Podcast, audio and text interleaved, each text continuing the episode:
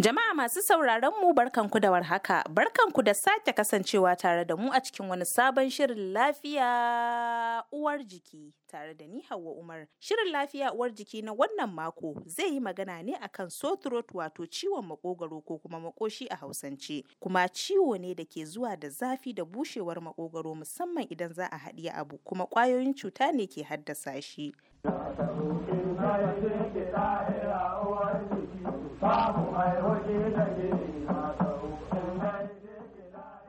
Tare da ni a cikin shirin akwai ƙwararren likita a ɓangaren ENT Dr. Ali Ango Yaroko na asibitin koyarwa na Usman Danfodiyo da ke jihar Sokoto. To likita masu sauraron mu za su so su ji ƙarin bayani akan ciwon makogwaro wato sore throat. ciwon makogwaro ciwo ce da ke sa mutum ya ji zafi sanda yake so ya miyo ko ruwa ko abinci a cikin makogwaronsa ko kuma za a ce makoshi abin da ke faruwa shine a can bayan harshen mutum akwai wasu tsokoki guda biyu wanda suke gefen harshen ko kuma can bayan makoshin sosai ana ce ma waɗanga tsokoki guda biyu tonsillitis. A can baya kuma ana ce ma posterior pharyngeal wall. Waɗanga wurare su ne suke samun cuta. Mutum ya zo zai haɗa abinci ko ruwa ko wani abu ya zo yana jin ciwo. Wani lokaci ma in abin ya yi tsanani mutum ba zai iya haɗe abinci gaba ɗaya zai zo yana ta taruwa miyo a bakinsa. To likita menene ke haddasa ciwon? Abubuwa da ke kawo ciwon makoshi abubuwa ne masu yawa amma a gurguje muna iya mu raba su akan ƙwayan cuta da ake ce ma viruses suna iya samun viral infection na iya kawo ciwon makoshi ko kuma ƙwayan cuta da ake ce masu bacteria akwai bacteria especially wanda ake ce ma beta multistreptococci ko kuma ana iya samu ta fannin sankara kansa ce ƙwayan cutan da ake cewa viruses su ciwon makoshin bai iya daɗewa kamar ɗan kwana ɗaya zuwa uku ciwon yana iya warke ko da ba a sha wani magani mai yawa ba haka. Ciwon kuma wanda ya zo ta fannin bacteria in bacteria ne wannan mugun bacteria ake cewa beta hemolytic streptococci in ya zo farko in ba a samu aka iya ba da magani ko aka gan ƙwararren likita ta wannan fannin abu yana iya sake faruwa. Ya ci gaba da faruwa haka kai akai ana iya mai za a kire shi a turance recurrent tonsillitis. Shi recurrent tonsillitis abin da ake nufi shine in mutum kamar ya samu ciwon makoshi sau bakwai a shekara ko kuma sau biyar a shekara cikin shekaru biyu da suka bi junansu ko sau uku a shekara cikin shekarun uku da suka bi junansu. Wannan ana ce mai a turance recurrent tonsillitis ko kuma shi wanda na shi na uku din sankara. Sankara kuma kaloli ne daban-daban wanda asibiti ɗaya ana akan akan iya ganowa wani irin sankara shi. Kamar menene alamomin sore throat? Alamomin ciwon makogwaro ana iya raba su biyu akwai abin da ke ce ma symptoms abin da shi mara lafiyan ke ji kenan shine kamar raɗaɗi da ciwo da ke so ya haɗe miyau ko ruwa ko abinci da kuma zazzaɓi da kumburin wuya waɗannan alamomi ce da shi mara lafiya na iya ya gani. Na biyu shine science abin da za a diba a gani ne. Kamar in recurrent tonsillitis ne ko tonsil ne waɗannan tsokoki na cikin shan bayan baki in an diba za a gan sun kumbura sun yi jawur wani lokaci. Wani lokaci kuma wani abu farare haka suna iya su rufe ga sun yi kumburi kuma akwai farare. Wasu lokuta kuma ba za su yi magani masu nan ƙanana amma suna kawo matsala sosai. Ciwo mutum ba zai iya haɗa abinci ba. Kumburin wuyan kuma in an taɓa akan jin ciwo in an matsa haka an latsa zaga mutum na jin ciwo. Shin ciwon makogwaro ya kasu kashi nawa ne? ciwon makogwaro a gurguje dai an kasa shi kashi uku. Akwai wanda ƙwayan cutar bacteria ne ya kawo ko kuma wanda ƙwayan virus ya kawo ko kuma a wanda sankara ne kansa kenan ya kawo. To likita wanne ya fi tsanani? Wanda ƙwayan cutar bacteria ya kawo da kuma wanda kansa ne sankara ne ya kawo sun fi zama tsanani wanda gaskiya cikin ko waɗannan biyu ɗin ma kansa zai fi zama tsanani saboda shi ko da an sha magani za a gan dama ka amma dai shi yana nan yana shi so ina ganin shi ya fi zama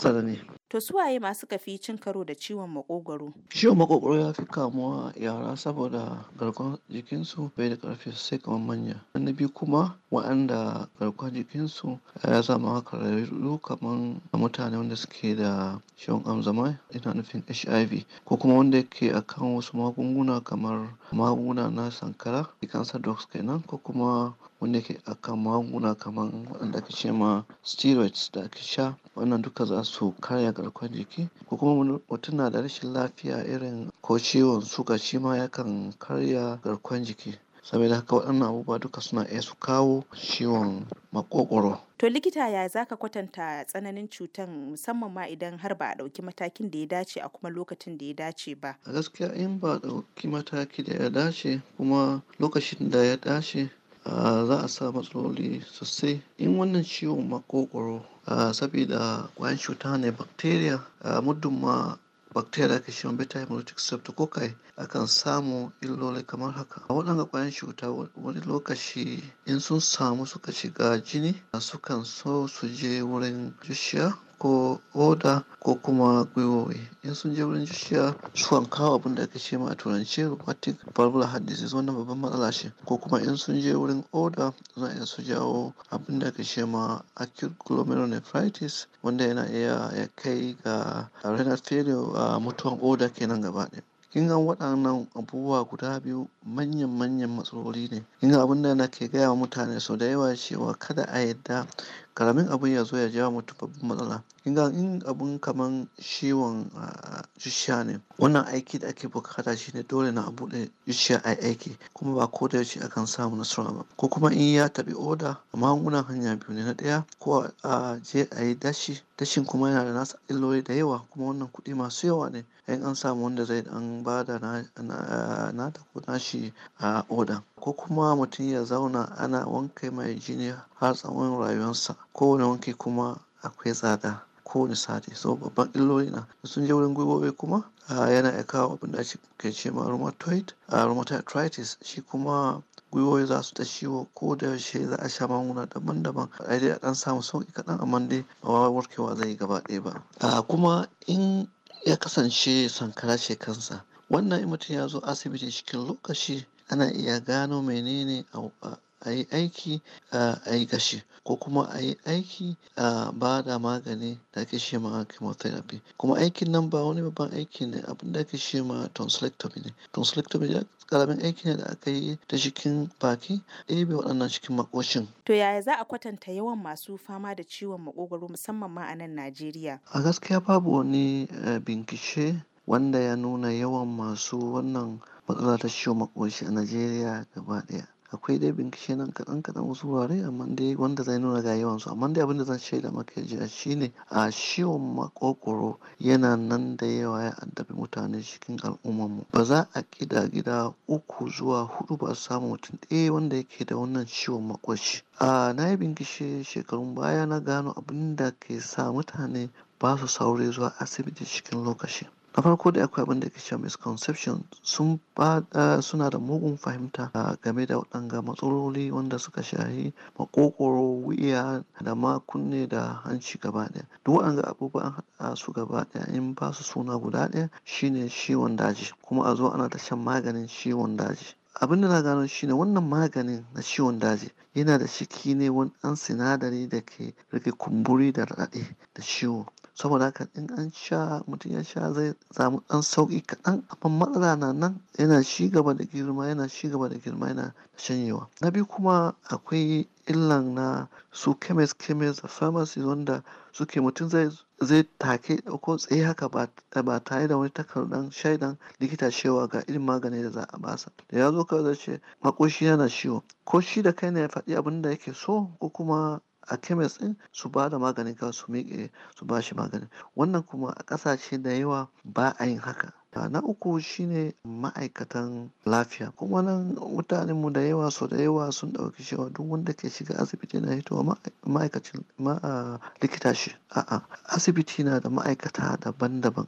A likitocin ma'aikatan lafiya masu ma daban-daban suke. Likitocin masu masu kware wurare daban-daban. Ba kowane likita ne an likitan makoshi akwai likitoci na fannin mata akwai na fannoni daban-daban. Saboda haka ya kamata a shi an gan likita wanda ya dace lokacin da ya dace. So matsala da muke samu nan shine kowane ne ma aka tambaya zai rubuta a makoshi na shi ke to ba wani abu ne ba makoshi ba ciwo makoshi ne ba. Ga maganin antibiotic a sha ko kuma maganin kashe ciwo kamar analgesic kenan a sha. Wannan ba shi ne magani ba. Wannan kawai dan kwantar da abun abu ne ci gaba da girma. Illa na huɗu shine um, lokacin da mara lafiya suka iso asibiti. Yawan mutanen mu suna son gaggawa ba su da haƙurin kuma.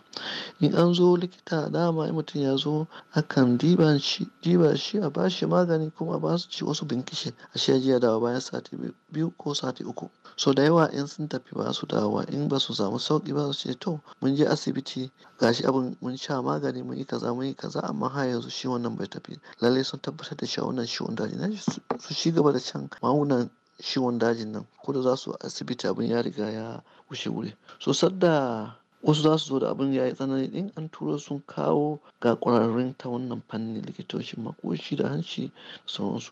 Za a kwantar da su za a da su da yawa. Abin da na gano ɗigo sittin bisa ga ɗari da suke zuwa ba wai ba su suke son zuwa ba. Tilastawa ne yan uwa da dangi suke kawo su saboda me? Saboda ba za su iya zauna da su kuma a gidajen su. Abin ya riga ya fashe wuya ya fashe wuya na ware ba su iya zauna da su za su ɗauko su dole na a kawo su asibitin nan ko za su da abin da kawai za a yi shi ne abin da ka shema a turanci palliative management. Shi palliative management magani ne ake basuwa na rage radadi a wanke wurin don rage ware haka ne za a ci gaba da dibawa hadimin lokaci. In an samu matsala kuma da ƙarshe za su ce to dama mun faɗi ai ko an je asibiti ba lafiya ake samu ba. Saboda haka wannan babban illa ne wanda yake buƙatar wayar da jama'a su gane cewa ciwon asibiti ne. A taho dai asibiti cikin lokaci a za a samu magani. Masu sauraron mu kada ku sha'afa shirin lafiya uwar jiki ne ke zuwa muku daga nan sashen Hausa na muryar Amurka kuma duka duka a nan za mu dasa aya a cikin shirin a madadin dukkan abokan aiki da suka taimaka don ganin shirin ya zo muku sai kuma likitan da muka kasance tare da shi a cikin shirin ni Hauwa Umar da na shirya na gabatar nake cewa mu huta lafiya. A sai da ce